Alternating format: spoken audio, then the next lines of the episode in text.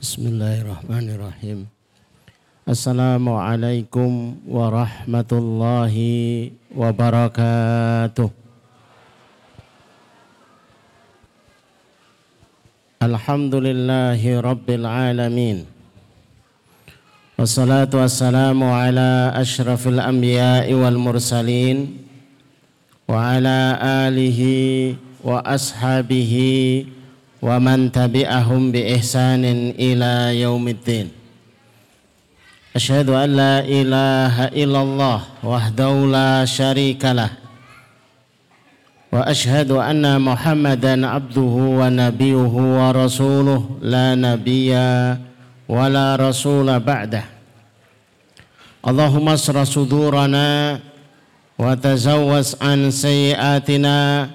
sudurana wa tazawwaz an sayyiatina wa hab lana fahmal anbiya'i wal mursalin.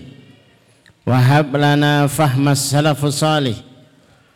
Allahumma anfa'na bima 'allamtana. Wa 'allimna ma yanfa'una wa zidna ilman. Wa na'udzu billahi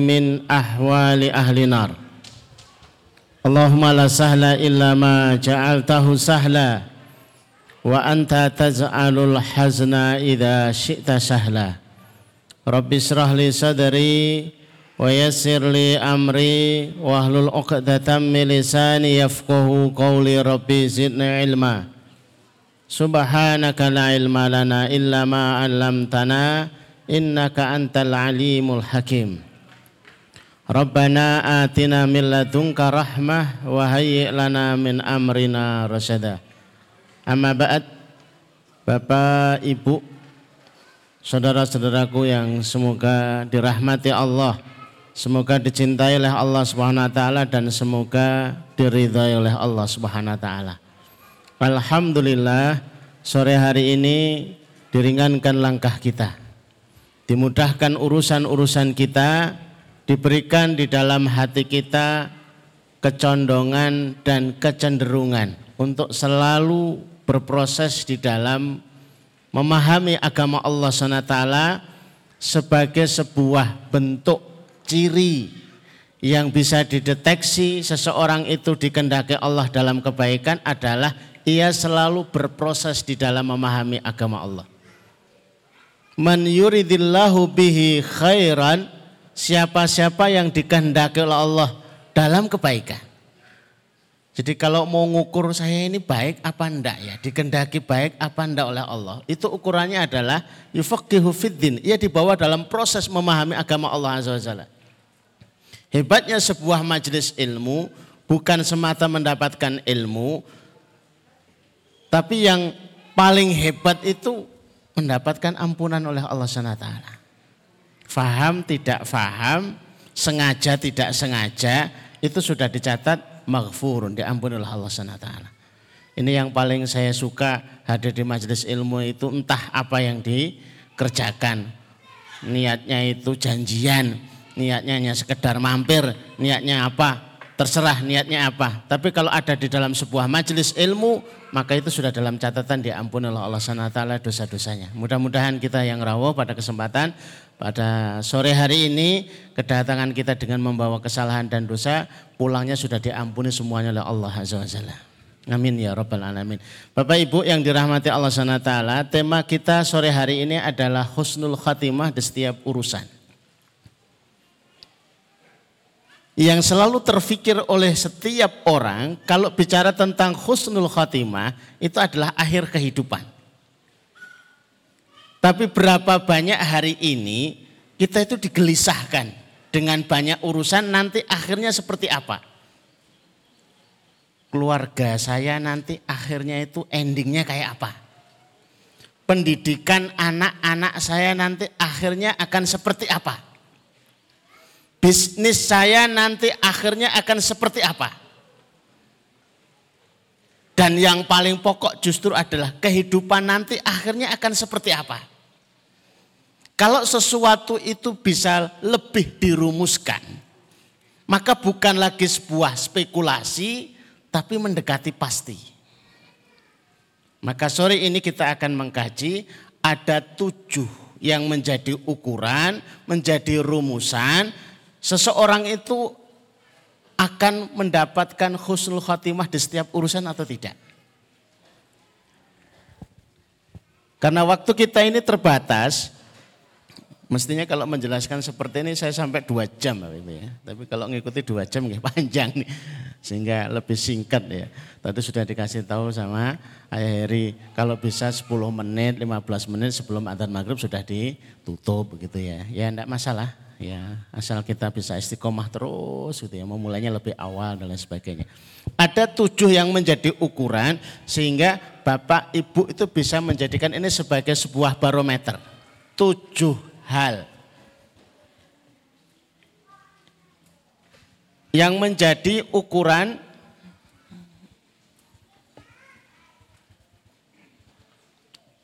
husnul khatimah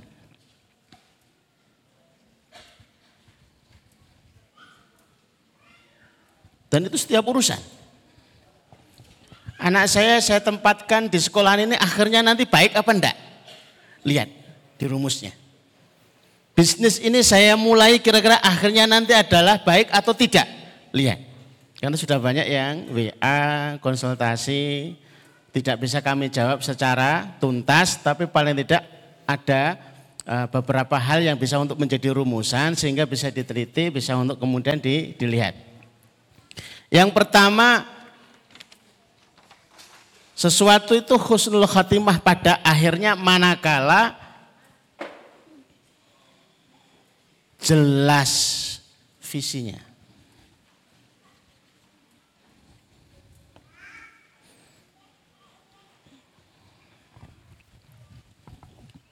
Kira-kira kalau Bapak Ibu buka warung itu niatannya apa? Visinya apa? Ya, pokoknya buka. Kalau begitu coba berhenti sejenak, dicari yang menjadi visinya apa. Walaupun itu cuma sederhana, saya itu pengen bayar zakat.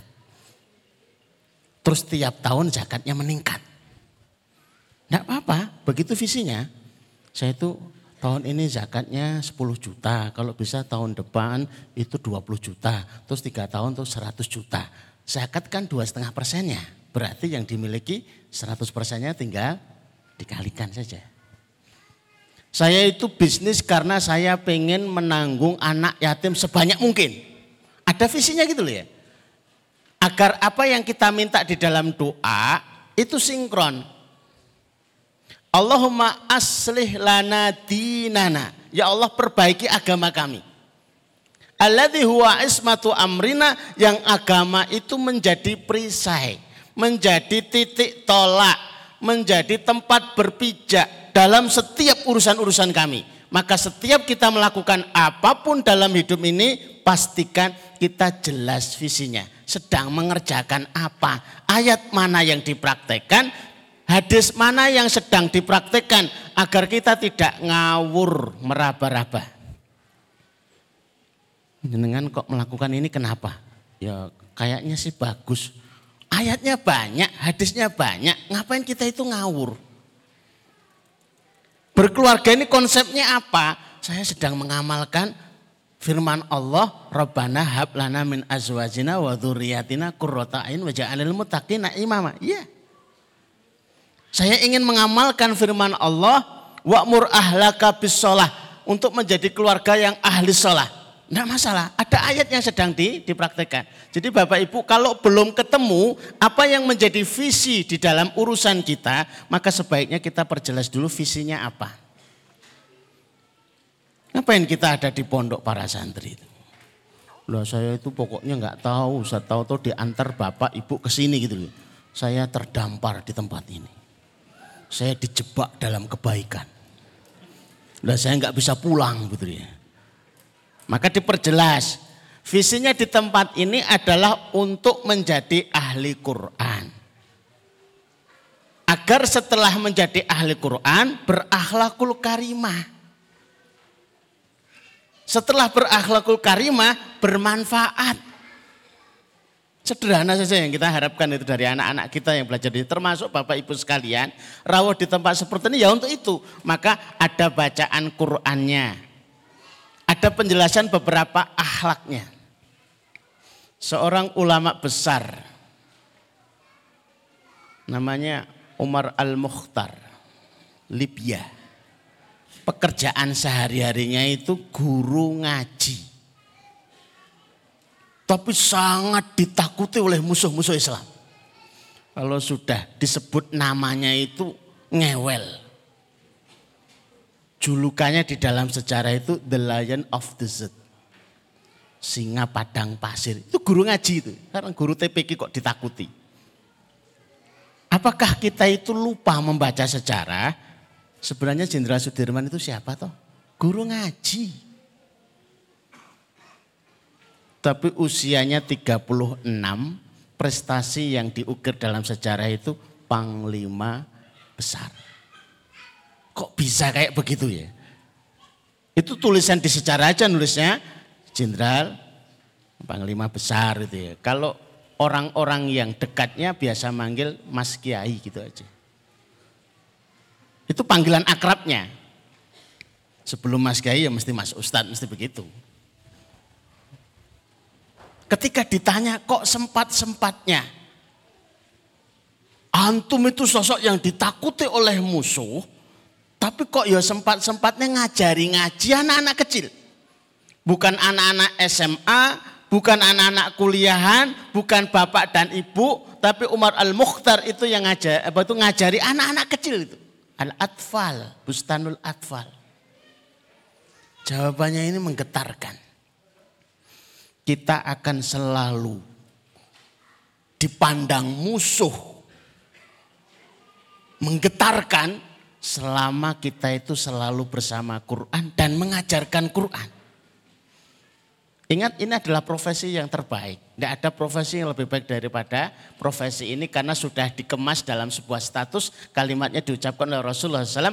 Khairukum man al Quran wa 'allamah. Tidak ada profesi yang lebih baik ini. Sebaik-baik kalian Walaupun sudah bergelar profesor, doktor, walaupun sudah guru besar, rektor, atau apa pun, tidak ada yang lebih baik profesinya daripada mengajarkan Quran, belajar Quran, mengajarkan Quran. Maka jangan sampai hilang, walaupun cuma itu alif, ba, walaupun cuma ya ikro, kiraati gitu ya. Jadi ada pijakan, jelas.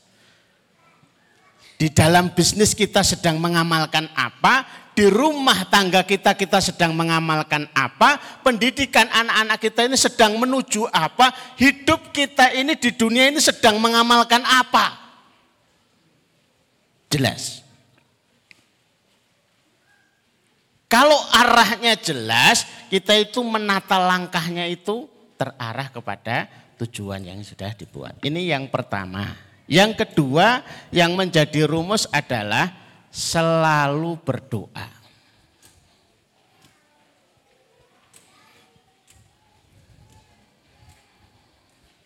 Bapak Ibu yang dirahmati Allah agak mengejutkan kalimatnya Imam Ghazali dalam kitab Ihya Ulumuddin.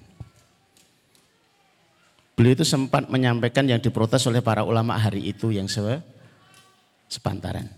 Karena kalimatnya tidak takut akhir hidupnya itu tidak tidak mengkhawatirkan husnul khotimah atau tidaknya. Karena semua dari kehidupan itu sudah dicatat dalam catatan takdir itu sudah ada semuanya. Sebenarnya husnul khotimah atau tidak itu sudah ada catatannya semuanya. Bukan belum tertulis, sudah tertulis. Ayo mau apa ya? Mau jungkir balik jadi orang soleh kalau tulisannya gak soleh ya gak soleh. Waduh. Sehingga ada hadis itu yang sempat membuat guru saya sendiri itu rambutnya beruban putih semua, kemudian nyaris stres itu ya. Kami harus mendatangi kemudian mengingatkan. Saya itu mendengar hadis begini loh Ustaz. Ada orang yang amalannya itu amalan ahli surga. Kurang sejengkal. Itu masuk surga. Tapi tiba-tiba beramal dengan amalan ahli neraka, maka dia masuk neraka. Apa enggak lemes itu? Sholat 60 tahun. Kurang sehari beramal maksiat. Kemudian su'ul khotimah. Waliyatubillah min. Maksiat terus. Kurang satu jam taubat. Ahlu jannah itu. Wah enak ngono ya. Perkara ini nggak bisa kita deteksi masalah itu. Sama-sama kita tidak tahu Bapak Ibu, maka perbanyaklah doa. Catatannya apa sih kan juga nggak tahu. Nanti kayak apa nggak ngerti. Sesuatu itu bisa berubah, ya kalau kita usulannya dan pesannya pakai doa, maka perbanyaklah doa, doa dan doa. Selalu doa dan musibah itu berlomba. Dan sejarahnya doa tidak pernah kalah melawan musibah. Kalau startnya sama. Yang jadi perkara adalah musibahnya itu sudah duluan berangkat. Lah doanya itu masih santai-santai saja. Kan sering kita itu kalau berdoa kan mudah-mudahan lunas hutang. Kan nunggu berhutang dulu kan? Ya enggak? Kenapa enggak dari awal itu Jangan sampai hidup kami itu berhutang kan itu selesai. Kalau disurvei antara doa sembuhkan saya ya Allah dan jangan sampai kami sakit. Itu lebih banyak yang sembuhkan saya. Itu nunggu sakit dulu gitu loh ya.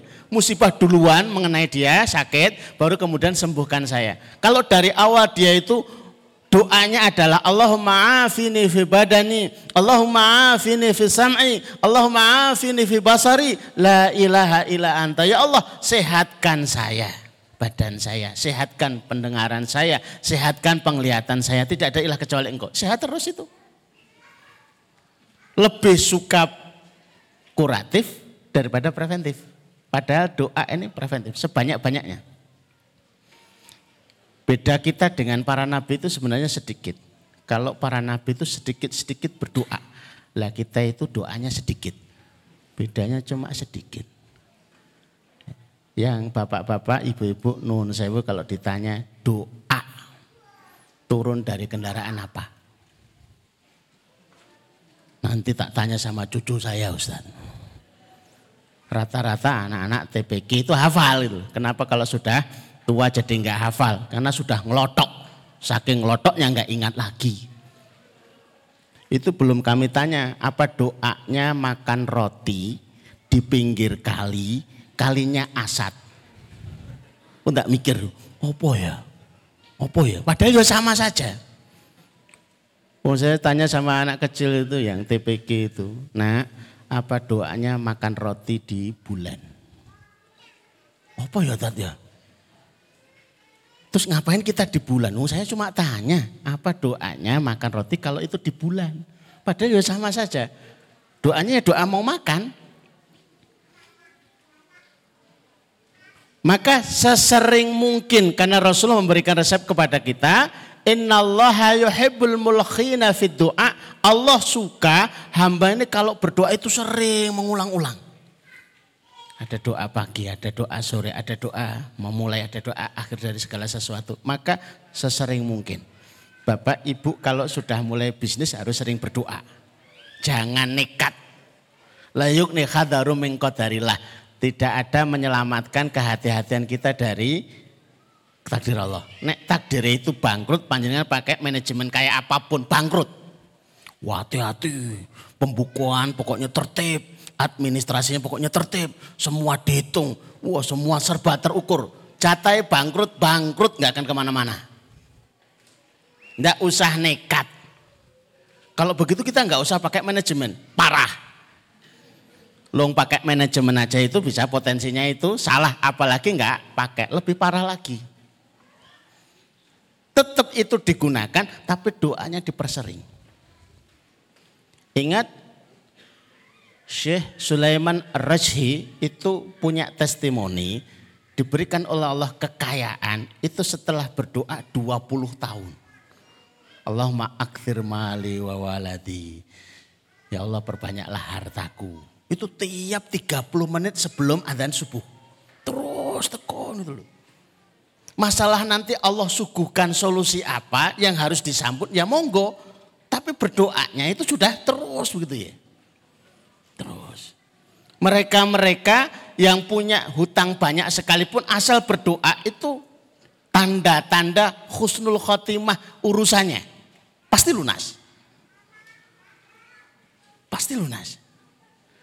Kalau sampai enggak lunas, Allah yang akan menyampaikan bagaimana caranya untuk bisa sampai lunas. Kalau kisahnya para ulama-ulama dahulu itu aneh-aneh gitu ya. hutang sampai 90 miliar itu bisa lunas. Padahal ya guru ngaji gitu ya. Bagaimana caranya itu? Tahu-tahu ada dikasih mimpi. Orang ini tolong dicu, apa itu dimandikan. Langsung yang di, adalah mimpi Rasulullah kepada seorang ulama, tolong bapak ini suruh mandikan jenazahnya. Lah ketika disampaikan itu ngertinya memandikan sebagaimana memandikan jenazah. Tapi begitu ternyata orang dulu itu ahli-ahli bisnis itu rata-rata ngaji semua. Itu bedanya. Yang difahami apa? Kalau membersihkan, wong dia itu orang kaya, berarti bukan memandikan. Kalau itu perintahnya memandikan, pastilah itu yang dipilih itu ulama. Tapi kok ini memilih orang kaya, pasti yang dimaksud untuk membersihkan itu adalah hutangnya. Berapa hutangnya? 90 miliar. Sudah dilunasi semuanya. Allahu Akbar. Selalu berdoa. Yang ketiga, selalu berzikir.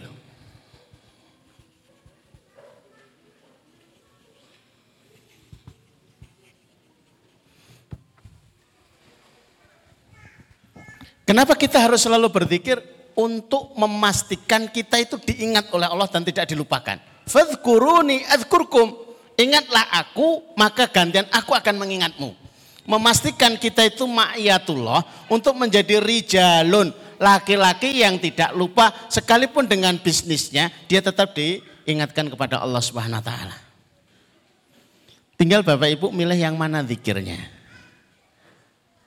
Ada yang memilih istighfar, monggo silahkan. Istighfar ini luar biasa teruji sampai berkali-kali. Kalau di dalam surat Nuh ayat 10, 11, 12. Ini dalil yang sering diangkat untuk orang banyak beristighfar. Di dalam ayat ini ada lima yang dijanjikan untuk banyak beristighfar. Yang pertama, yursilis sama alaikum. Tidak mungkin kekeringan. Nggak mungkin sumur kering, nggak mungkin. Nggak mungkin sawah tidak bisa dialiri air, nggak mungkin. Kalau dia ahli istighfar. Wa yumtidkum bi amwal, akan dibentangkan harta. Bukan hanya yukti baca Quran, yumtit, yukti itu dikasih itu sudah selesai. Yumtit itu dibentang kayak karpet gulungan itu. Satu, dua, tiga, empat, lima, terus. Itu istighfar. Kalau sampai bapak ibu itu istighfar, tapi tidak bikin kaya, yang salah bukan istighfarnya. Karena nggak mungkin salah Quran. Istighfar juga nggak mungkin salah. Yang salah itu dosisnya. Syekhul Islam itu kalau masalah biasa 4 ribu loh Pak. Masalah tidak biasa 10 ribu. Lah kita itu masalah super-super tidak biasa 100. Itu ngakunya sewoleh. Nanti nanti gue tasbih. Aku kok perasaan kok kayak istighfar ya. Satu. Abu Hurairah itu 12 ribu. Belum apa-apanya. Kalau ceritanya Imam Ahmad sehingga dia harus diperjalankan sampai di Baghdad, ketemu orang yang sampai dengan istighfar itu narik Imam Ahmad. Jauh-jauh itu diperjalankan. Itu istighfar dan melaziminya selama 33 tahun. Bukan hanya waktunya, bukan hanya jumlahnya, tapi durasinya juga lama. Istighfar. Jangan melihat bahwa semata-mata dengan istighfar itu banyak dosa. Bukan. Istighfar itu adalah cara untuk mendekat kepada Allah Subhanahu wa taala. Maka perbanyaklah. Bapak, ibu yang banyak beristighfar membawa keluarganya pasti sukses. Anak-anak yang banyak istighfar di pondok pesantren pasti sukses. Pedagang yang banyak istighfar pasti sukses. Bukan lagi ukurannya itu insya Allah pasti kan Al-Quran bahasanya itu. Yumditkum bi amwal wabanin. Diberikan keturunan oleh Allah SWT. Saya berkali-kali sampai sudah di bandara itu dicegat. Ustaz saya itu sudah sekian tahun belum punya keturunan. Ini sudah istighfar. Saya sudah banyak Ustaz istighfarnya. Berapa coba? Habis sholat 500. Kurang. Nah berapa saya? 6 ribu. Uh. Sebenarnya istighfarlah yang banyak. Cuma saya tuh suka curiga kalau banyak itu. Sebenarnya nggak harus dihitung.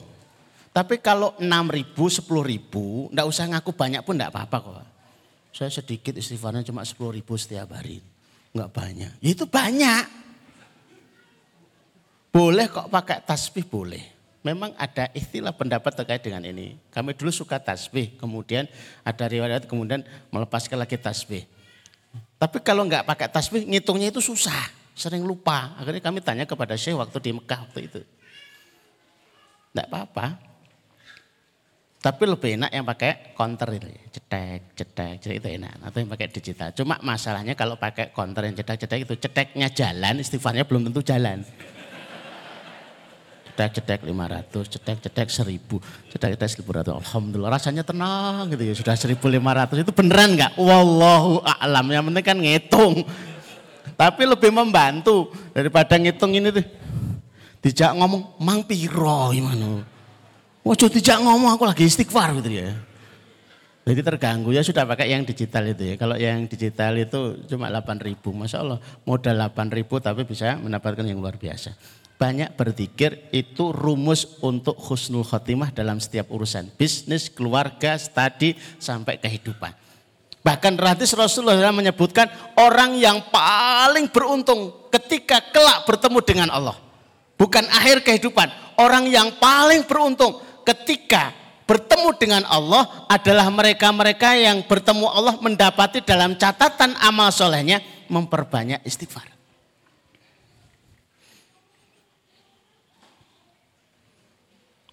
nomor 4.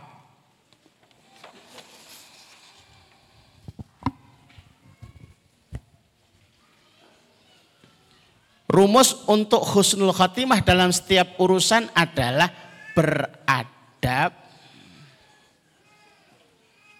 islami.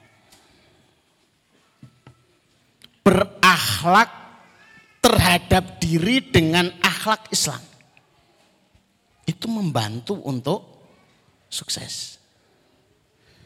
Makan pakai tangan kanan, makan pakai jari. Keluar masuk itu dihitung betul kaki mana dulu. Kalau ada seorang yang dikenal ulama besar ke kamar mandi, kemudian kepleset meninggal. Kira-kira khusnul khatimah enggak? Bapak Ibu. Kira-kira khusnul khatimah enggak? Ulama besar. Khusnul khatimah enggak? Semua orang berpikir khusnul khatimah kan? Tapi ada saksi mata yang melihat waktu masuk kamar mandi itu kaki kanan dulu. Yakinkah dia khusnul khatimah? Ya, ya piye ya? Gitu loh ya imam masjid waktu makan kesedak meninggal. Kira-kira kita yakin tidak husnul khatimah? Yo yakin. Tapi makan kerupuknya pakai tangan kiri. Cabenya nyokotin ya tangan kiri. Itu kalau ngomong enak. Kira-kira husnul khatimah enggak? Sepele tapi itu saksi mata itu Ketika ditanya iki saya napa mboten? Nggih jane saya. Tapi kok megang kerupuk pakai tangan kiri pas niku pas pas buatan saya, pas niku gitu loh. Maka hati-hati. Saya sering cerita di mana-mana, bahkan kalau ke santri saya sering ulang-ulang. Kisah para sahabat. Bukan orang soleh hari ini, bukan kisahnya kiai, bukan kisahnya orang alim hari ini, langsung kisahnya sahabat. itu ngepung benteng Nahawan dua bulan nggak kelar-kelar. Loh sahabat itu doanya mustajab banget itu loh. Kok bisa dua bulan tertunda ini ada apa? Setelah diteliti di muhasabah ternyata waktu para sahabat mengepung benteng Nahawan itu ada sunnah Rasulullah adab diri, adab islami terhadap diri yang ditinggalkan yaitu siwak.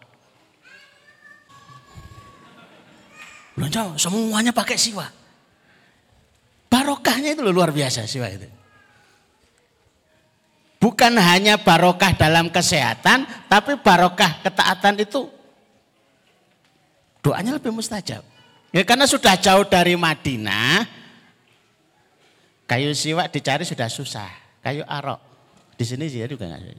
Panjangan nyari di sawah-sawah ya nggak ketemu. Maka saat itu diperintahkan kayu apa saja yang bisa berfungsi siwak gunakan. Nah saya nggak ngecek kayunya apa. Ya saya bayangkan ya kalau di sini itu kira-kira apa nih. Kayu randu, kayu waru, kayu sengon, mahoni, dipotong. Niat mereka mengamalkan sunnah Rasulullah SAW, tapi dilihat oleh mata-mata musuh itu dalam pandangan yang berbeda. Siapa yang membuat berbeda itu? Allah SWT. Ditampakkan di mata musuh-musuh Allah saat itu, kaum muslimin itu sedang puncak marah. Bukan hanya pedang yang diasah, gigi yang diasah. Bakal dikunyah-kunyah maka mentalnya jatuh. Apakah sih kan? Wah ngeri. Maka kan dikenal wah ini kayak mau kanibal. Bukan hanya ditebas pakai pedang dimakan sekalian ngeri gitu. Giginya sampai diasah itu. Dengan barakah ini pun dimenangkan oleh Allah Subhanahu wa taala. Saya ikut-ikutan waktu itu kita harus membebaskan tanah nilainya satu miliar. Kita kasih waktu empat bulan. Apa yang menjadi sandaran kita? Siwak. Yuk kita praktekkan. Tiap bulan itu kita bagi siwak. Karena saya tahu persis kalau pakai siwak itu sering ketelesut. Wallahi tepat empat bulan. Terbebaskan itu. Satu miliar. Maka Bapak Ibu barangkali cuma sunnah sederhana tapi membuat doa lebih mustajab. Mudah-mudahan urusan-urusan mendengar lebih mudah untuk selesai karena doanya lebih mustajab di sisi Allah SWT. Itu tanda-tanda usul keterima. Yang kelima, akhlak Islam kepada sesama muslim.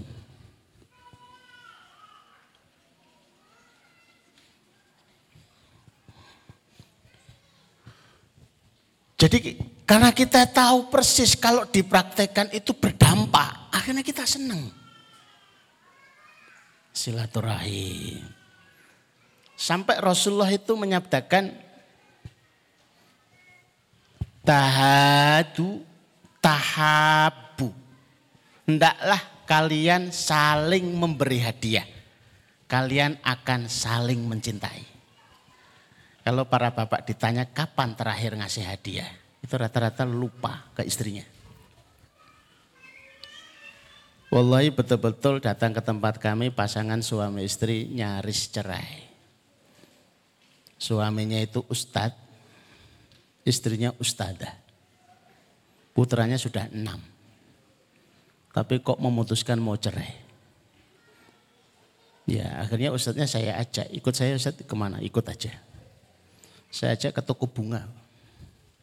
Kamu milih mana? Bunga-bunga yang disukai. Kira-kira istrimu suka yang mana? Kayaknya yang mawar. Sen. Yang merah apa yang putih monggo silahkan. Saya yang bayar semuanya. Dibungkus yang rapi ya Ustaz. Kasih apa ini koran, kerdus, kerdus lagi, kerdus lagi gitu ya. Tapi jangan lupa ditulisi. Tulisannya apa? Aku cinta kamu. Wah, cinta ini bukan pasangan muda lagi. Ini pasangan setengah tua gitu. Yuk pakai bahasa Inggris aja kalau malu. I love you. Ya gitu-gitu ya. To my love. Ya gitulah gitulah. Dikasihkan kepada istrinya begitu dibuka itu adalah bunga. Kaget istri. Ekspresi kagetnya itu tertangkap gitu loh. Beberapa waktu kemudian saya tanya, mau jadi cerai enggak? Ustaz ini apa sih? Cerai-cerai apa gitu loh. Sudah selesai berarti Pak. Cuma hadiah bunga lah Pak. Ada lagi pasangan suami istri itu datang di kantor kemudian kita itu mau cerai. Boleh cerai, tapi setelah satu bulan. Betul Ustaz? Boleh. Hari ini kan banyak jasa-jasa membuat surat gugatan cerai kan di jalan-jalan itu. Ya. Kami juga punya gerakan itu ya, bagaimana menyelesaikan kalau urusan itu. Satu bulan boleh, nanti setelah ini cerai. Syaratnya selama satu bulan panjenengan harus makannya sepiring berdua. Kalau ndak mau praktek, ndak usah cerai. Uh, ya aku praktek Ustaz. Aku mau cerai, oke. Okay. Kayaknya sederhana Pak ya. Sementara ini prakteknya makan sepiring berdua suami istri itu ya waktu pernikahan itu. Awaluhu wa akhiruhu itu. Nggak pernah makan sepiring berdua lagi. Yang tidak terbiasa itu berat. Sepiring berdua ya sudah biasa gampang itu. Coba yang tidak biasa. Hmm. Hmm. Terus mau makan itu ya itu pakai garis demarkasi dulu. Tidak takut. Kalau lauknya enak itu garis sisik gitu ya. Kalau lauknya enggak enak ya garisnya tetap tipis ini. Ternyata makan sepiring berdua itu resep. Begitu satu bulan enggak jadi cerai. Makan cuma sepiring berdua. Di samping juga hemat. Pindang satu bisa sepuluh, beda berdua itu apalagi sama anaknya itu udah rame lagi itu ya itu resep masya Allah itu akhlak Islami siapa lagi yang mau praktek kayak begitu itu ya? Jalan-jalan berdua malam hari itu ya ada akhlaknya. Kami sering nyampaikan ketika itu di apa tuh sambutan mau itu hasanah di wali matul urus itu ya. Biasanya kan nyampaikan yang formal-formal. Saya sukanya nyampaikan yang nggak formal-formal itu ya. Rasulullah itu sudah menjadi kebiasaannya selalu kalau masuk rumah itu nyium istrinya. Keluar rumah juga nyium istrinya. Ada ciuman selamat datang, ada ciuman selamat tinggal. Yang santri kecil pura-pura nggak dengar aja. Ada kiss welcoming, ada kiss goodbye. Wah gitu ya gampang. Coba yang usianya 50 tahun. Walah, Pak, Pak. Kaya cek anyaran wae. Ternyata susah. Nyium istrinya itu susah. Itu semua ada dalilnya, ada hadisnya itu. Sederhana seperti itu. Ada hadisnya semuanya. Siapa tahu dengan mengamalkan satu, satu dulu mengamalkan pokoknya kalau selamat kalau datang saya akan nyium istri saya. Mana di ibu tune ya isin to, Bang. Yo ning jero kamar. Lah nek putune ning kamar. Yo ning dapur. Lah nek ning dapur kok susah ya jadi ya. Tapi itulah seninya memang begitu ya. Yang nomor enam.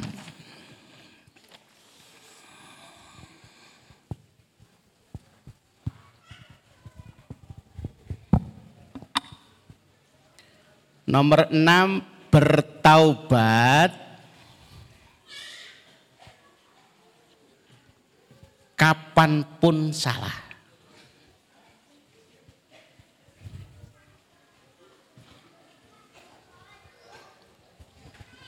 Jadi kapan pun kita merasa bersalah itu cepet-cepet pengennya bertobat gitu loh ya. Minta maaf tidak harus menunggu Idul Fitri. Jadi ada wacana yang harus dirubah. Idul Fitri itu hari silaturahim. Dan mendoakan. Bukan hari saling meminta maaf. Salah loh Pak. Ini yang harus kita rubah paradigmanya. Idul Fitri itu hari silaturahim karena masing-masing itu welcome untuk didatangi, dikunjungi dan masing-masing menyiapkan makanan. Juga untuk mendoakan taqabbalallahu minna wa minkum. Amalan Ramadannya biar diterima oleh Allah semakin banyak yang mendoakan semakin diterima. Tapi paradigmanya itu untuk saling memaafkan. Kalau mau minta maaf jangan nunggu Idul Fitri kapan saja itu salah langsung minta maaf. Bahkan kalau itu nunggu Idul Fitri, berapa banyak di Idul Fitri itu, itu hanya formalitasnya saja. Apalagi sampai lama gitu ya. Ngaturakan sutaya kelepatan. Dari awal sampai akhir. Lali tuh.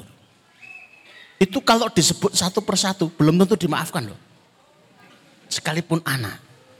Bapak ngatur aku sedaya kelepatan. Salah mopo. Lo sing ke lele ten wingking kriya. Sik, nek sing ke lele tak kira kowe dipangan ula. Iki jebule ulane iki to ngono. Nggih kula khilaf. Urusane kerise wis sak panene kae ya 2 yuta ya ana. Nggih kula gantos. Nah, ngono tak maafkan nek. Jangan nunggu saat momen itu. Itu banyak formalitasnya itu ya. Kapan salah? Kullu Bani Adam, setiap Bani Adam itu potensi berbuat salahnya itu sering. Tidak bisa dihindari. Jadi kalau kita menemukan sahabat, teman kok sering salah, ya itu memang man manusia gitu loh, manusiawi. Kalau dia benar terus itu masalah. Wong kok api terus masalah ini. Saya curiga, ini bukan manusia. Coba dilihat, napak pun enggak gitu. Kalau manusia mesti salah-salah itu ada. Agar dia itu bisa meminta maaf, agar kita bisa memaafkan dari situ pahalanya besar. Kalau sampai enggak selesai di dunia, mukmin bermasalah, nggak selesai, nanti yang menyelesaikan Allah. Dua orang awal dari tafsir surat Al-Anfal. Dua orang itu diselesaikan oleh wa'aslih data bainukum. Ketika dua orang sudah sampai di hadapan Allah, coba kamu yang disalahi, lihatlah itu. Istana luar biasa. Itu untuk siapa? Untuk yang mampu membelinya. Siapa itu ya Allah? Kamu termasuk yang bisa membelinya. Bagaimana caranya ya Allah? Kamu maafkan saudaramu. Sudah tak maafkan ya Allah? Kalau sudah dimaafkan silahkan masuk istana itu berdua. Karena semua yang masuk surganya Allah harus sudah selesai urusannya. Urusan data bain antara keduanya urusan hati harus semua sudah selesai. Karena dicabut hil itu dicabut semuanya. Tidak ada yang masuk surga kecuali penyakit-penyakit hati itu sudah diputihkan semuanya. Yang nomor tujuh. Agar kita bisa husnul khatimah di setiap urusan. Ini termasuk kalau dalam bisnis sama ya. Kita terjebak riba ya cepat-cepat kita bertaubat. Kita akad salah ya cepat-cepat gitu ya. Imam Abu Hanifah itu punya karyawan di toko kain. Dipeseni, ini kainnya cacat. Tolong dijual dengan harga cacat. Lah pelayannya ini lupa cacat dijual dengan harga normal. Langsung sore harinya bertaubat, untung hari itu disotakokan semuanya. Ini belum seberapa, ada tabiin yang jualannya madu. 30 tong madu. Ada satu tong isinya madu, itu kemasukan tikus. Lah karyawan dipeseni, ini kemasukan tikus tolong dipisahkan. Lupa, nyampur dengan yang lain maka 30 tong ditumpahkan semua madu itu. Sebagai bentuk taubatnya kepada Allah. Ya memang barokah banget gitu ya. Barokah banget begitu ya. Yang tujuh adalah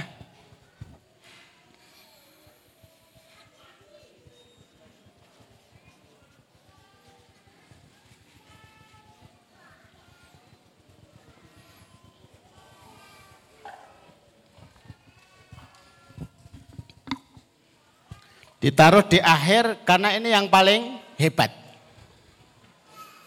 Datang kepada Rasulullah SAW seorang badui. Bertanya, ya Rasulullah, apakah nanti yang menghisap saya itu di yaumul akhir itu Allah? Iya, kalau begitu beres. Kenapa kok beres? Karena seingat saya dalam persepsi saya itu Allah itu selalu baik. Dalam ingatan saya Allah itu selama ini itu baik terus kepada saya. Berarti kan beres itu nanti urusannya. Nah, kalau yang hisap itu bapak saya kan masalah gitu loh ya. Kadang-kadang baik, kadang-kadang nggak baik gitu loh ya. Itu sampai Rasulullah mengatakan kepada para sahabat, siapa yang ingin melihat calon penghuni surga, lihatlah orang ini. Oh Snowdon, saya berdoa mesti dikabulkan. Saya berbisik, mesti akan dibantu oleh Allah. Saya sudah sotako 10%, mesti dibarokai. Saya sudah bayar zakat, mesti akan melipat berlipat-lipat. Saya sudah mengamalkan ini pasti akan ini. Jadi memang butuh. Wallahu abdi Allah sesuai dengan persangkaan. Lah kalau kita berdoa tapi menyangkanya, ya nak dikabulkan ora piye. Itu sudah menyangka kepada Allah yang tidak-tidak. Suudon kepada Allah itu termasuk dosa besar.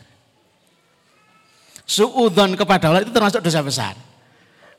Nah, orang yang husnudon itu punya saldo berlebih untuk sabar.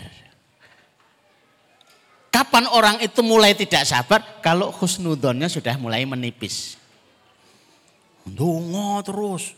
Nek bahasanya dungo terus agak mending. Jengkang, jengking. Wow tambah lagi parah itu. Ternyata nggak merubah nasibnya itu. Padahal memang lebih baik begitu. Memang takdirnya itu lebih baik miskin. Kalau dibuat kaya masalah. Ada yang takdirnya itu memang cocoknya itu kaya. Kalau miskin masalah. Ya sudah kita itu husnudon selalu yang diberikan Allah kepada kita adalah yang terbaik insya Allah. Ada tujuh, yang pertama adalah pastikan visinya jelas kita berbicara di dalam setiap urusan kita apakah dalam pendidikan, keluarga, bisnis dan apa pun untuk akhir yang baik yang bernama husnul khatimah. Yang kedua, sering-sering berdoa, berdoa, berdoa, berdoa, berdoa terus. Ya. Baik itu sebelum sholat, habis adan, habis sholat berarti sudah 10 kali, sebelum salam berarti 15 kali, sujud misalkan sujud yang terakhir berarti 20 kali. Itu sudah banyak banget gitu ya. Sehari. Lah kalau kali sebulan, kali 30 hari, sudah sekian banyak. Siapakah orang yang paling pantas untuk masuk surga? Yang paling sering mesen. Maka setiap habis sholat, Rasulullah menasihatkan, Allahumma ini asal kal jannah. Ya Allah aku minta surgamu ya Allah. Itu diminta, diminta, dipesen. Sudah dipesen ribuan kali, ya pasti ada lah yang pesanan itu sudah sampai ke sana. Insya Allahnya seperti itu. Kemudian yang ke tiga, banyak-banyak berzikir kepada Allah agar kita merasakan ma'iyatullah. Merasakan dibersamai oleh Allah Azza wa Jalla. Kemudian yang keempat, berakhlak diri dengan akhlak Islami namanya adab. Kalau adab itu diri terhadap Islam. Yang selanjutnya berakhlak kepada sesamanya itu dengan akhlak islami. Itu berdampak semuanya. Selanjutnya adalah kapan pun salah itu langsung bertobat dan tidak usah nunggu-nunggu nanti. Minimal istighfar dulu. Kemudian yang ketujuh adalah husnudon kepada Allah. Selalu bersangka baik, bersangka baik. Kalau membantu anak yatim pasti dibantu oleh Allah. Kapan Bapak Ibu merasa yakin bakal ditolong oleh Allah? kalau Bapak Ibu sedang menolong sedang menolong saudaranya. Wallahu fi aunil abdi madamal abdu aunan li ahi. Allah pasti menolong hamba selama hamba menolong saudaranya. Jadi kalau jenengan pengen tahu seberapa yakin kami akan ditolong Allah, seberapa urusan panjenengan di dalam menolong saudara-saudaranya muslim. Itu ukurannya itu. Demikian Bapak Ibu yang dirahmati Allah. Saya tidak begitu kelihatan dari sini, kurang berapa menit, tapi mudah-mudahan lebih awal karena biasanya dengar adzan baru kami berdoa gitu ya. Mari kita tutup dengan berdoa kepada Allah Subhanahu taala. Ringkas ada tujuh, mudah-mudahan sudah dihafal. Kalau sempat lupa nanti dilihat lagi di YouTube-nya ya. Insya Allah sudah direkam ya. Beliau-beliau ini yang berjasa untuk uh, mereview, mengulang lagi ilmu-ilmu yang mungkin belum sempat tercatat ya. Mari Bapak Ibu kita menata hati, berkonsentrasi, mohon kepada Allah kebaikan-kebaikan agar kita dirahmati Allah, agar kita diberkahi oleh Allah SWT. Barokahnya harta berarti jumlahnya akan bertambah, barokahnya badan kita berarti sehat, barokahnya keluarga berarti adalah solih dan solihah, dan barokahnya kehidupan berarti bermanfaat bagi sesamanya. Allahumma salli ala Muhammad wa ala ali Muhammad kama sallaita ala Ibrahim wa ala ali Ibrahim innaka Hamidum Majid. Allahumma barik ala Muhammad wa ala ali Muhammad kama barakta ala Ibrahim wa ala ali Ibrahim fil alamin innaka Hamidum Majid. Alhamdulillahi rabbil alamin. La ilaha illa anta subhanaka inni kuntu minadh dhalimin. La ilaha illa anta subhanaka inni kuntu minadh dhalimin. La ilaha illa anta subhanaka inni kuntu minadh dhalimin. Allahumma ya Rahman ya Rahim ya Hayyu ya Qayyum ya Dzal Jalali wal Ikram. Allahumma ya Rahman ya Rahim ya Hayyu ya Qayyum ya Dzal Jalali wal Ikram. Allahumma ya Rahman ya Rahim ya Hayyu ya Qayyum ya Dzal Jalali wal Ikram. Allahumma inna nas'aluka min khairin ma sa'alaka minhu nabiyuka Muhammad sallallahu alaihi wasallam wa na'udzubika min syarri ma sta'adahu nabiyuka Muhammad sallallahu alaihi wasallam. Antal musta'an alaikal balag wa la haula wa la quwata illa billah ya Allah anugerahkan kepada kami kebaikan yang pernah diminta oleh Nabi kami Shallallahu Alaihi Wasallam. Ya Allah, lindungilah kami dari seluruh keburukan yang pernah diminta perlindungan itu oleh Nabi kami Shallallahu Alaihi Wasallam. Engkaulah tempat kami meminta, engkaulah yang menyampaikan hajat-hajat kami. La haula wa la quwata illa billah. Allahumma barik lana fi ahlina wa barik lana fi amwalina wa barik lana fi makasibana wa barik lana fi awqatina wa amarina ya rabbal alamin. Ya Allah berkahilah keluarga-keluarga kami. Ya Allah berkahilah harta-harta kami. Ya Allah berkahilah usaha-usaha kami. Ya Allah berkahilah anak-anak keturunan kami. Ya Allah berkahilah waktu waktu dan usia kami birahmatika ya arhamar rahimin. Allahumma inna nas'aluka amalan baran wa rizqan daran wa aishan wa qaran. Ya Allah anugerahkan kepada kami amalan yang baik-baik, rezeki yang mengalir, kehidupan yang tenang, kehidupan yang tenang birahmatika ya arhamar rahimin. Allahumma dzib hammana, Allahumma dzib hammana, Allahumma dzib hammana. Ya Allah angkatlah masalah-masalah kami. Ya Allah selesaikan masalah-masalah kami birahmatika ya arhamar rahimin. Rabbana atina min ladunka rahmah wa lana min amrina rasyada. Rabbana hab lana min azwajina wa dhurriyyatina qurrata imama. Rabbi ja'alni muqimas shalah wa min dzurriyyati Rabbana taqabbal atina fid dunya hasanah wa fil akhirati hasanah. Nar. Nar qina adzaban nar wa sallallahu ala Muhammadin wa ala alihi wa sahbihi wasallim subhana rabbika rabbil izzati amma yasifun wa salamun alal mursalin walhamdulillahi rabbil alamin aku qouli hadza nastaghfirullahi wa lakum assalamualaikum warahmatullahi wabarakatuh